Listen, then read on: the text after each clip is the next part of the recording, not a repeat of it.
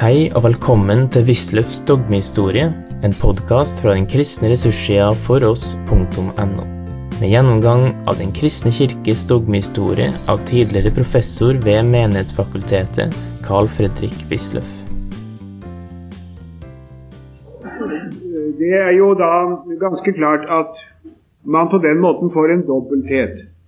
Den katolske teologi er en teologi des ondt som Karl Barth en gang sa det. Da eh, var det eh, ganske visst en tid her tale om at man kanskje måtte revurdere denne oppfatning av Tridentinums læreavgjørelse. Geiselmann, ikke Giselmann som vi har fått det her, men Geiselmann, Robert Geiselmann, katolsk teolog, han skrev i 1956 en, eh, en artikkel i tidsskriftet Ona Sankta. Det vakte stor oppmerksomhet. Han henvendte da nemlig oppmerksomheten på en omstendighet i referatet som vi har fra forhandlingene i, i, i, på Trientinekonsilet. Det var en pavelig sekretær som het Massarelli, som var veldig flink til å skrive referater. Og han tok også vare på en masse forskjellige aktstykker av betydelig interesse. Og dette er i våre dager trykt av det tyske Görres-selskapet og foreligger i en lang rekke store, tykke statlige bind. Eh, eh, I Massarellis referat så fremgikk det det at det opprinnelig hadde vært en noe annen tekst til dette avsnitt. Det var egentlig foreslått at det skulle hete at sannheten finnes dels i skrevne bøker og dels i uskrevne overleveringer. Men, og, og da, da, er det jo altså partim, partim heter det på latin. Dels, dels. Partim, partim. Og da, da blir det jo veldig markert, dette her, at det liksom er to kilder for vår kunnskap om sannheten. Dels Skriften, dels tradisjonen. Sånn at det kan være ting som er i tradisjonen som ikke overhodet er nevnt i Skriften. Dels, dels. Men så var det noen som ikke var riktig med på dette. Det var eh, en eh, ordensgeneral, Bonuccio, som sa at åpenbaringen foreligger jo materialt sett fullstendig i Skriften. Eh, tradisjonen føyer ikke noe nytt til, men tradisjonen er mer å betrakte som en autentisk kommentar til Skriften. Det blir jo en litt annen, annen vurdering. Da er det altså liksom bare én kilde eh, til vår kunnskap, og det er Skriften. Men tradisjonen er på en måte en kommentar til Skriften. Og så eh, hendte det seg da at etter denne diskusjonen så ble teksten annerledes. Nå står det ikke dels i eh, skrevne bøker, dels i uskrevne overleveringer, men det står bare 'og'. Den fins, sannheten fins i skrevne bøker og i uskrevne tradisjoner. Partim partim er borte, og erstattet av et enkelt ett. Uh, Pussig nok for øvrig, uh, så mange som har skrevet om dette her, så sier de at istedenfor partim, partim, så står det ett, ett. Men det gjør ikke det. Faktisk så står ikke det. Det står bare ett, ett, om de vil. Altså ordet ett står bare én gang. Ikke ett, ett, men bare ett. Bare og én gang. Det er så latterlig å se det. Man mistenker nesten at en del som har skrevet om dette, ikke har hatt bry til å gå til kildene for å se hva det vitterlig står. Men det er nå, var nå bare en ren uh, parentetisk bemerkning. Og dette uh, her, uh, artikkelen til Geiselmann, den tiltrakk seg en del oppmerksomhet utover på 50-årene. Og i den atmosfære som var den rådende under annet Vatikankonsil, så ble denne betraktning tillagt betydelig oppmerksomhet. Man sa som så, der kan du se, eh, til og med Tridentinum har vært misforstått. av ettertiden, både på katolsk og på reformert og luthersk side. Men i virkeligheten så er det ikke så ensidig i tridentinum som man til dels har trodd. Eh, denne vitenskapelige diskusjonen har allikevel nå synes nå å være avsluttet, og det er nok temmelig på det rene at man ikke bør legge noe særlig vekt på dette at partim partim er erstattet med ett. Av flere grunner.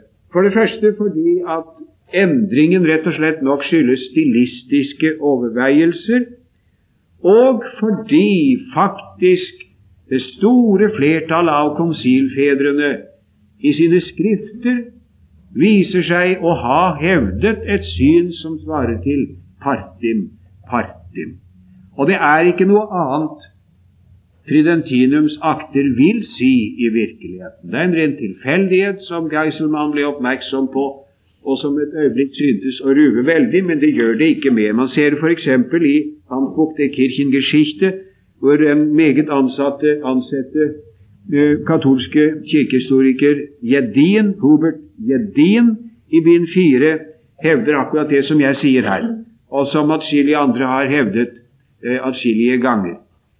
Uh, jeg vil ikke ha denne omstendigheten unevnt, for det har spilt en viss rolle. Men resultatet av overveielsene blir det blir stående det inntrykk som det rette at i tridentinum er sannheten noe som kommer til oss ifra trykte bøker og ifra uh, uskrevne overleveringer.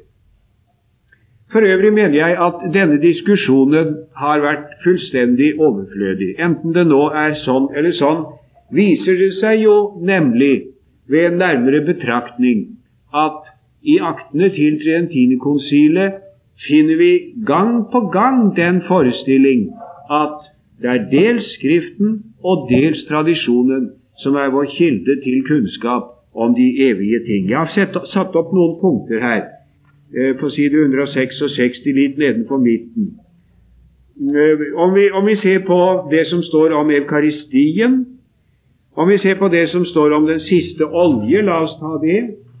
Altså, den, den siste olje, det er jo altså da om, om uh, dødssakramentet. Det tallet der svarer til Dentzingers Enchiridion Symbolorum, kapittel 908, hvor det uttrykkelig står Kvibus Quibus verbis ut ex apostolica traditione per manus accepta ecclesia didicit docet osv. Altså, her er det uttrykkelig sagt at den siste olje er et sakrament. Det lærer vi dels av eh, Jakobs brev, hvor det står i det fjerde kapittel, femte kapittel at man kan kalle til seg menighetens eldste, og så skal salve en syke med olje osv. Og dels av Kirkens tradisjon. Står med tørre, klare ord. Eh, og eh, om, om ordinasjonen det har jeg sitert der. Cum scriptura testimonio apostolica traditione patrum unanimi consensu perspicuum sitt. Hvilket står det, nemlig at ordinasjonen er sakrament, er helt tydelig etter Skriftens vitnesbyrd, den apostoliske tradisjon og fedrenes enstemmige, samstemmige vitnesbyrd. Altså, her, her, er jo, her er jo tradisjonen og fedrene faktisk blitt det man bygger på. Og ekteskapet som sakrament og skjærsilden sacris litris et antiqua patrum traditione. Og hvordan skulle man kunne bevise skjærsilden, da, f.eks., og hvordan skulle han kunne bevise at den siste olje er et sakrament, om ikke det var ifra den apostoliske tradisjon. Så det er helt klart. Her er den uskrevne tradisjon eh, satt ved siden av Skriften som en kilde til sannheten, kunnskap om sannheten.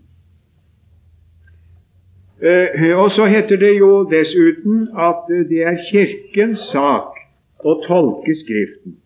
Det er Kirken som vet hvordan Skriften skal tolkes, og ingen annen. Det står i Professio Fidei Tridentina, hvor det, eh, Tridentina, hvor det heter 'Jeg antar og godtar Kirkens bestemmelser, likeså antar jeg Skriften' i den mening som Den hellige kirke har holdt og holder, for det er Kirkens sak alene å avgjøre hvordan Skriften skal tolkes og forstås. Eh, så eh, det, det, det er da Dette er, er da helt opplagt en, en, et nei til den, til den evangeliske kirkes formale prinsipp Skriften alene. Eh, vi går videre og tar for oss arvesynslæren. Her er, har jeg satt inn et um, sitat dels fra Møhlers symbolikk og dels fra Luthers kompendium. Det kan vi betrakte altså som et tillegg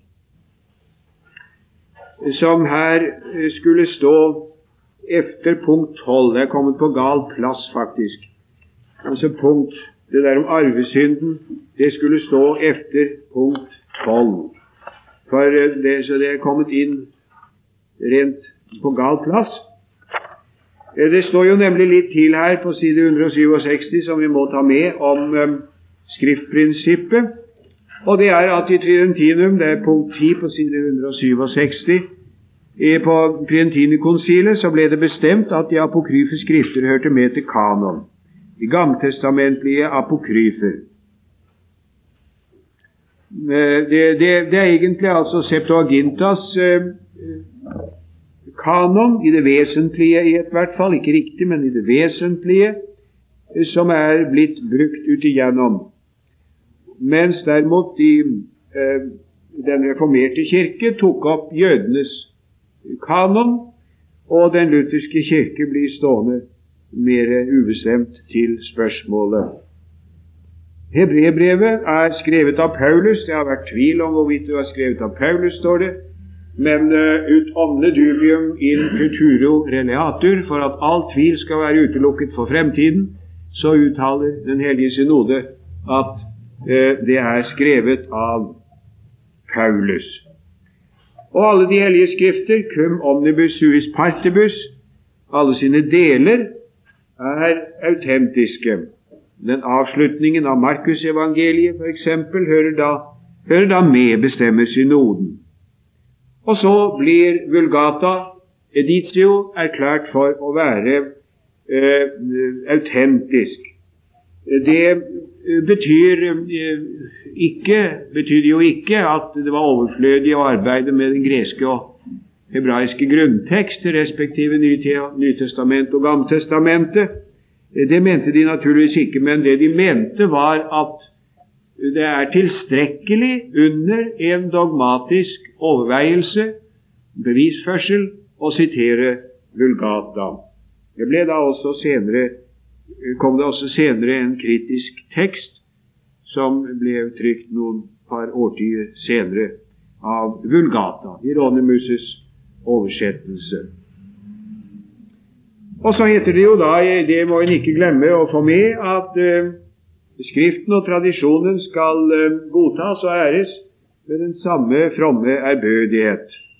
Pari eh, pietatis affectu ac reverentia, heter det. Og det gjentas for øvrig i annet Vatikankonsils dekret om Skriften, eller om åpenbaringen, som vi senere skal se. Det er jo også en omstendighet som bidrar til å eh, sette den Geiselmanns aksjon eh, ut av betraktning. Det skal godtas og æres med samme fromme hengivenhet og ærbødighet. Skriften og Kirkens tradisjon. Og det er jo soleklart, for hvordan skulle man ellers kunne bevise alle disse mange ting som de som Skriften ikke sier noe om. Det neste punkt man da behandlet, det var arbeidssynslæren. Og det er Det var jo naturligvis helt nødvendig, for Luther hadde her hevdet et, et syn på arvesynden som var betraktelig sterkere, betraktelig mer alvorlig og radikalt enn det tradisjonelle katolske syn. Det, det er nødvendig å bli klar over hva man mener når man sier arvesynd. Som jeg sier her, det er i grunnen to grunnsyn det har svinget mellom i eh, Vesterland, den vestlige kirke. På den ene side Augustin. Han så jo veldig alvorlig på arvesynden. Det ser vi ikke minst i hans oppgjør med pelagianerne, naturligvis. Arvesynden er en, en uh, alvorlig sak, og i Adam uh, syndet alle, og uh, arvesynden er da å bestemme, ifølge Augustin, som concupiscentia cum suo reatu, dvs. Si den onde lyst og den skyldtilstand, anklagetilstand, som den fører med seg. Vi kan si den onde lyst er arvesynden efter Augustins oppfatning. Men eh, på slutten av eh, eh, altså eh, slutten av det 11. århundret så hevdet Anselm av Canterbury en annen betraktning. Og Den gikk ut på at arvesynden er privatio justitia originalis, mangel på den opprinnelige rettferdighet. Merk dem det uttrykket oversetter hvis de ikke er sikre på akkurat hva det betyr. Privatio betyr mangel på. Mangel av ø, den opprinnelige rettferdighet. Og Tankegangen er da der den at Eh, Gud hadde skapt Adam uh, i sitt bilde, og gav ham også uh, donum super additum. Ja, det er, mer, det, det er det skolastiske uttrykk. Han gav ham den helliggjørende nåde, liksom i tilgift. Men ved, ved syndefallet, ulydigheten overfor Gud, ved syndefallet, så mistet menneskene donum super additum. De mistet den helliggjørende nåde. Og det er arvesynden. Dette at man har mistet den helliggjørende nåde. Da er eh, tankegangen, som vi kan forstå, en annen og ikke fullt så radikal. Etter det augustinske syn er arvesynden et positivt onde. En, en, et, noe, noe, positivt ondt. Efter den anselmske betraktning er arvesynden eh, Eh, bare at man har mistet noe.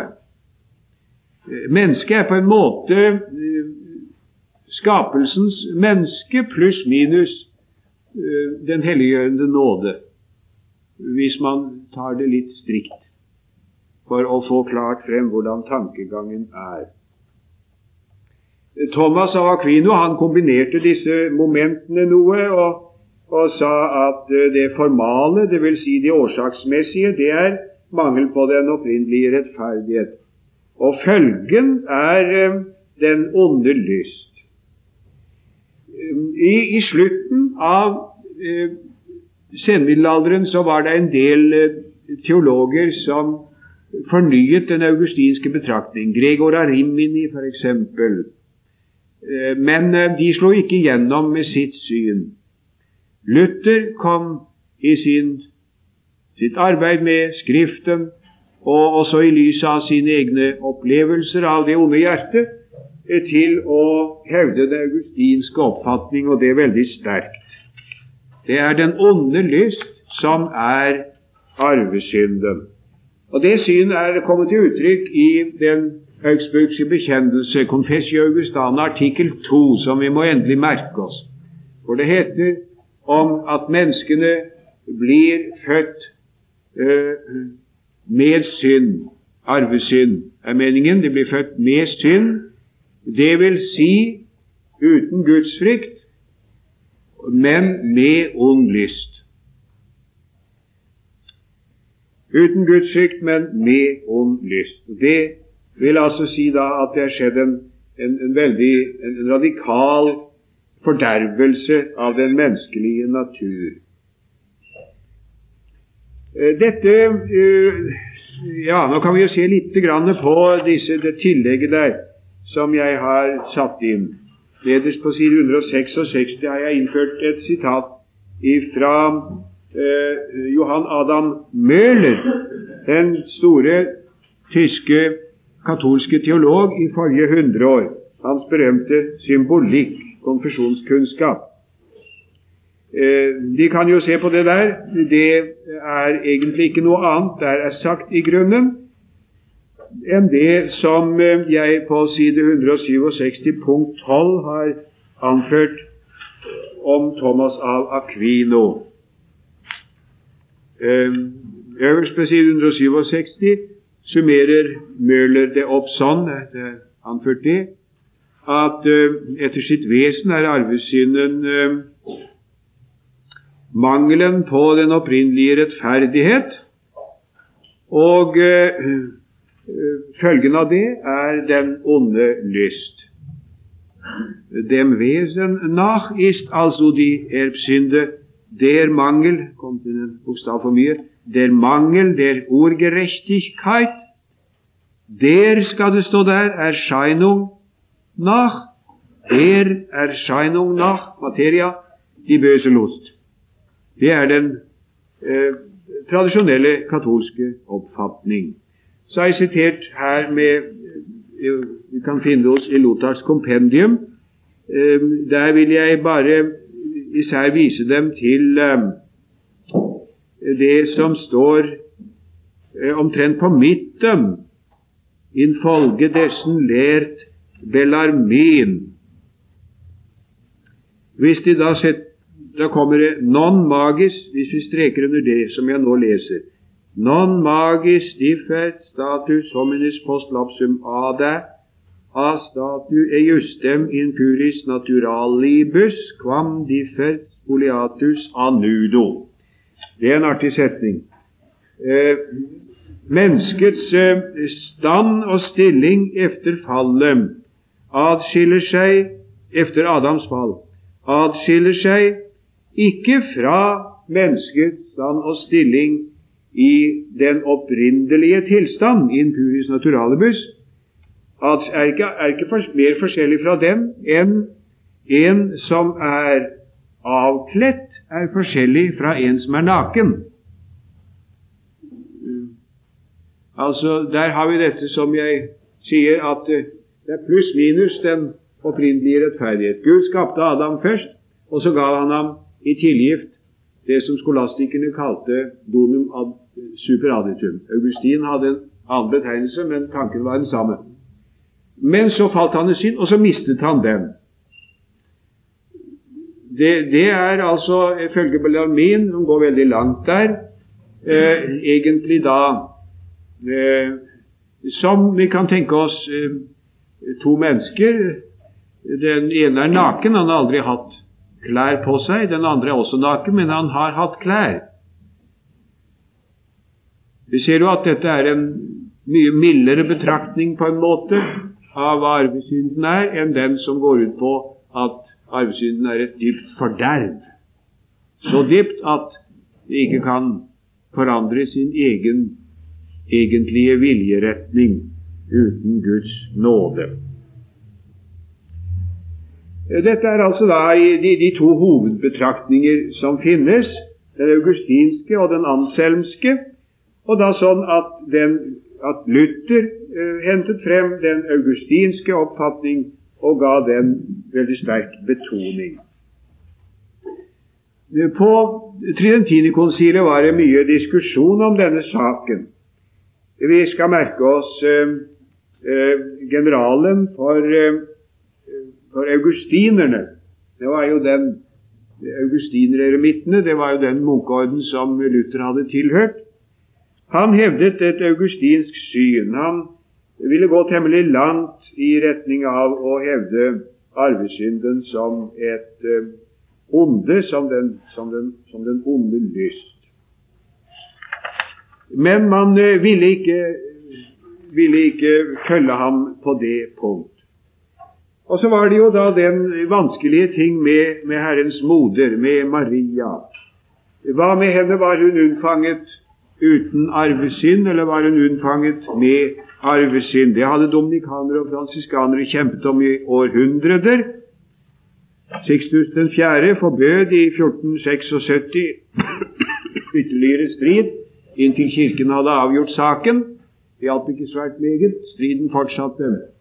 Den ble jo ikke avgjort før i 1854, da det ble bestemt ex cathedra at Maria er unnfanget uten arvesynd.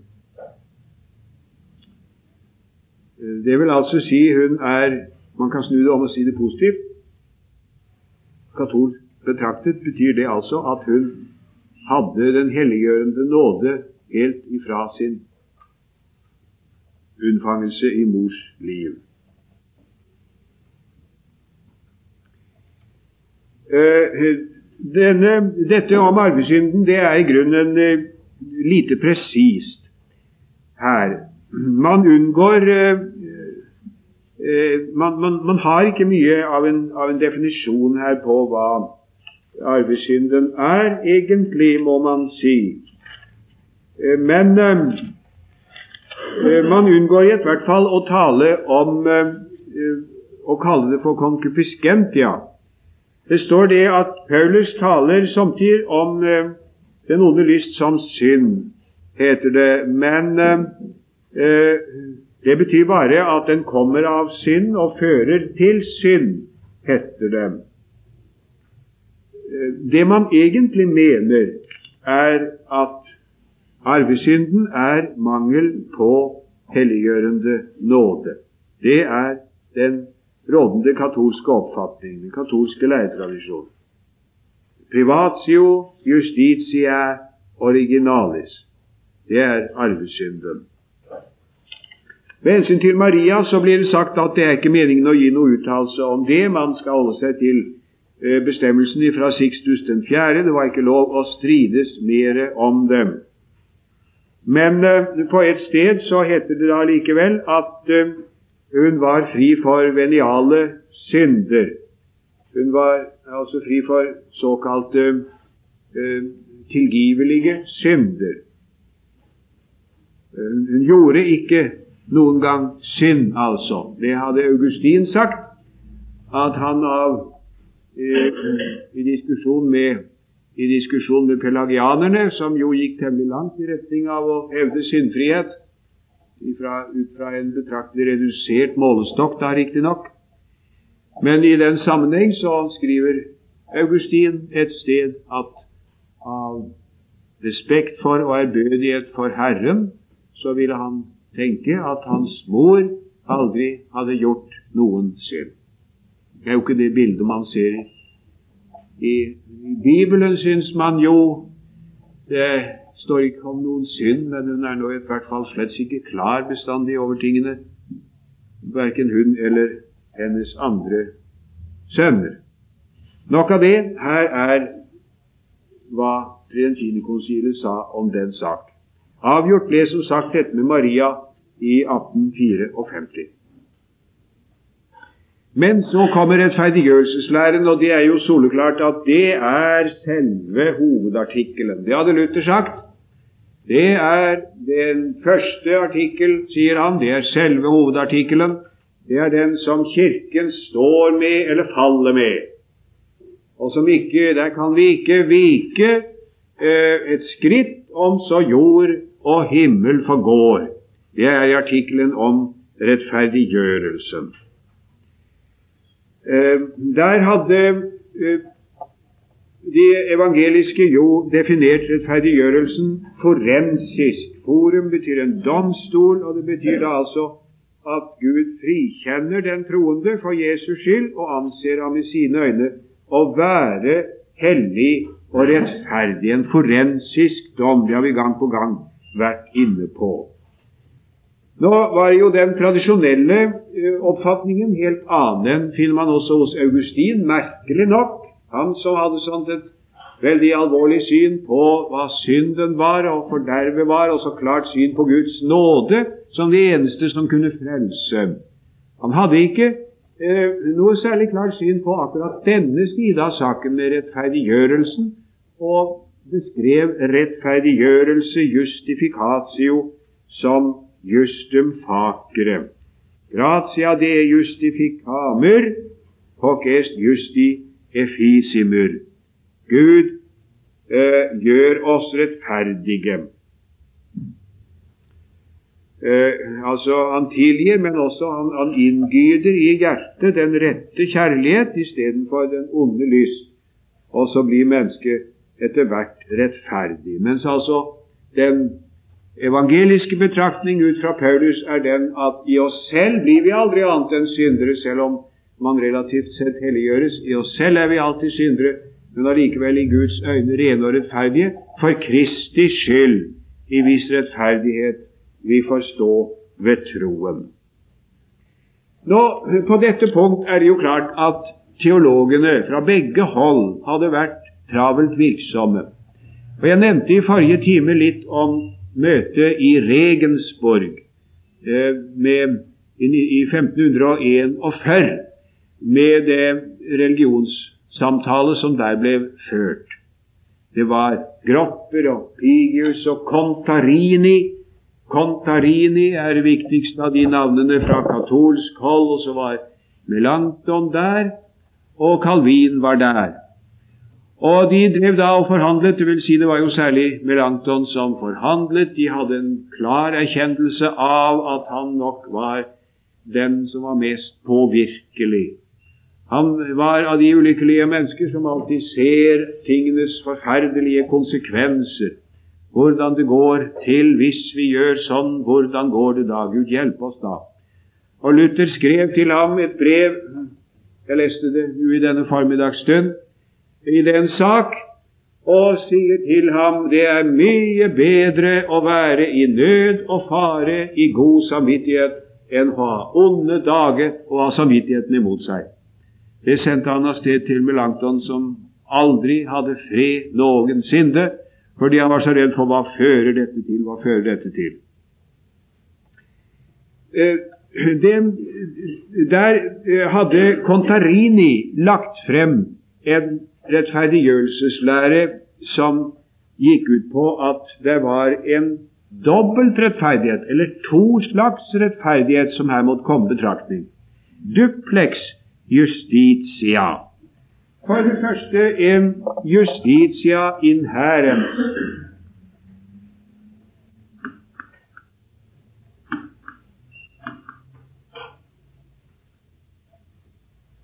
En iboende rettferdighet. Det, det, er vesentlig etter Augustins eh, tankegang at uh, Den hellige ånd, nåden, inngydes i mennesket, som da på den måten etter hvert Eh, den onde lyst trenges ut, og den rette kjærlighet kommer inn isteden. Og så er det en iboende inherens, skal det stå. Justitia inherens AE. Eh, den iboende rettferdighet. Men så er det også en annen slags rettferdighet, sa eh, Contarini, og det er justitia imputata.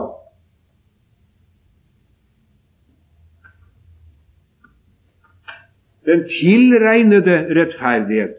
Og det, det, er jo egentlig altså et luthersk uttrykk, det. Uh, imputari, justitia imputata, en tilregnet rettferdighet. Det, det, er egentlig et luthersk uttrykk. Men uh, Luther hadde det, dette totus homo-aspekt, som er så viktig å få tak i. Totus homo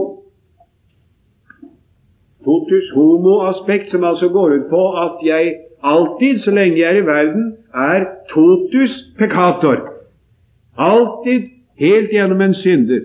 Men fordi jeg har tatt min tilflukt til Kristus ved troen, om jeg har gjort det, så er jeg totus justus, nemlig in Christo. Jeg er aldri meg selv annet enn en fortapt synder, men alltid helt og fullt rettferdig i Kristus. Det er den lutherske betraktning.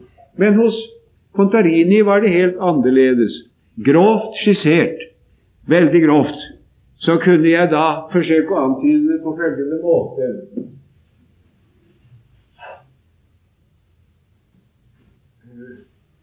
Hvis man tenker seg altså en målestokk, og her er det som Gud krever av oss, den, den fullkomne rettferdighet. Gud krever det av oss at sånn skal vi være. Så skjer to ting med den som blir frelst. Det ene er at han får justitia in inherens, den iboende rettferdighet. Ånden tar bolig i ham og driver synden ut og, og fyller ham med den sanne kjærlighet. Og Det kan da være mer eller mindre av det. Det kan være, det kan være ettersom hvor langt man er kommet. Men et, et, et, et stort helgen kunne vi jo da tenke oss at uh, justitia inherens det nådde omtrent så langt som opp dit. Men hva så? For der er eh, så mye igjen som ikke er dekket. Ja, det eh, dekkes da ved imputasjon. Justitia imputata. Altså vår egen rettferdighet, den, den holder et stykke, men for det som blir igjen, så godskriver Gud oss på den konto Kristi fullkomne rettferdighet.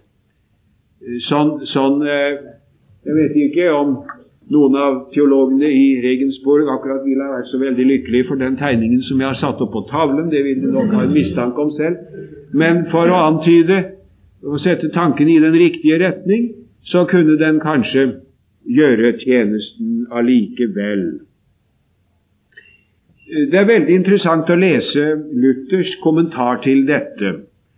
Eh, han fikk et brev fra kurfyrsten eh, Johan Friedrich som eh, ville vite hva han tenkte om den saken der. Selv hadde han en eh, viss mistanke. Johan Friedrich det var den mest eh, teologisk funderte av disse saksiske kurfyrstene på, på Luthers tid. Fredrik den vise hadde et godt hjerte, en stor politiker. Og Johan hadde også et godt hjerte, men hadde svermeriske tilbøyeligheter. Men Johan Friedrich det var lutheraneren par excellence. Og han eh, skrev til Luther og sa hva skal jeg gjøre med dette? For det første, hva skal jeg tenke om det som de nå er blitt enige om? For det andre, skal jeg reise til Regensborg? Det er så rart å se. Han spør bedt frem Luther til råds i en sånn uhyre viktig sak.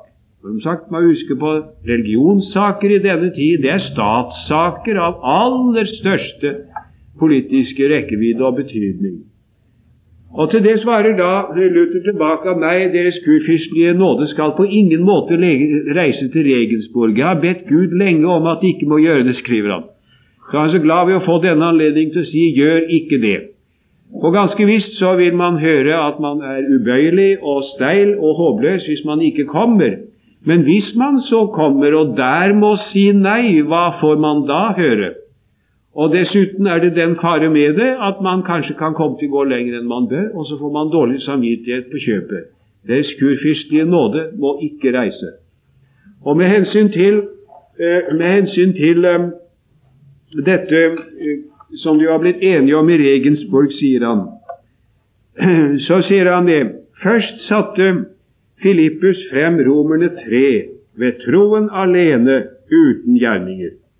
Så satte papistene frem Galaterne fem, tro virksom i kjærlighet.